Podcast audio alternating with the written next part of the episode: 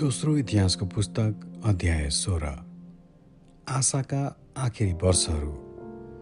आशाका राजकालको छत्तिसौँ वर्षमा इजरायलका राजा बासाले यहुदामाथि चढाइ गरे।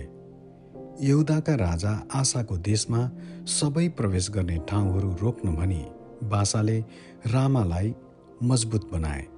आशाले परमप्रभुको मन्दिर र राजाको महलका भण्डारका सुन र चाँदीहरू निकालेर दमस्कसमा राज्य गर्ने अरामका राजा बेनहदत कहाँ यसो भनेर बिन्ती पठाए।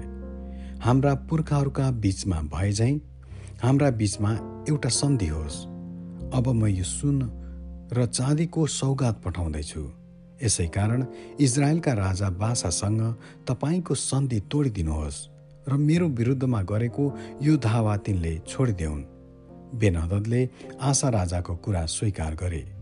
तिनले आफ्ना सेनापतिहरूलाई इजरायलका सहरहरूका विरुद्धमा लड्न हुकुम दिए र तिनीहरूले इयोन दान हाबिल मैम अनि नप्तालीका सबै भण्डार राख्ने सहरहरूलाई कब्जा गरे। जब बासाले यो कुरा सुने तब तिनले रामालाई मजबुत बनाउन छोडिदिए र त्यसमा गरिराखेका सबै काम बन्द गरिदिए।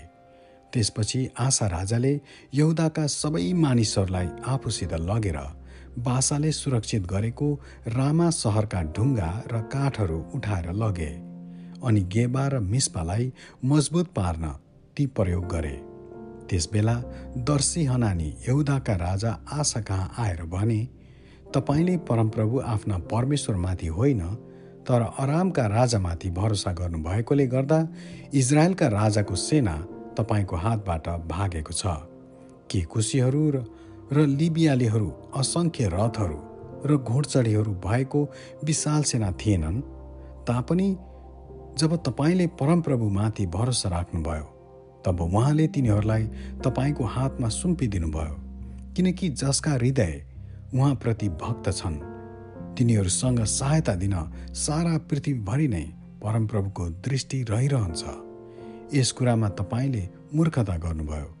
अब उपरान्त तपाईँले युद्ध गरिरहनु पर्नेछ यी कुराले आशा ती दर्शीसँग रिसाए। यतिसम्म कि आशाले तिनलाई थुनामा राखे। त्यसबेला तिनले कोही कोही मानिसहरूमाथि साह्रै अत्याचार गरे।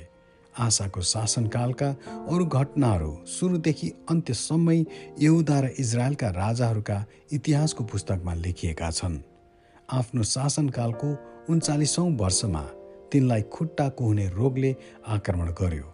त्यो रोग साह्रो भए तापनि तिनले परमप्रभुको सहायता खोजेनन् तर वैद्यहरूको मात्र सल्लाह लिए।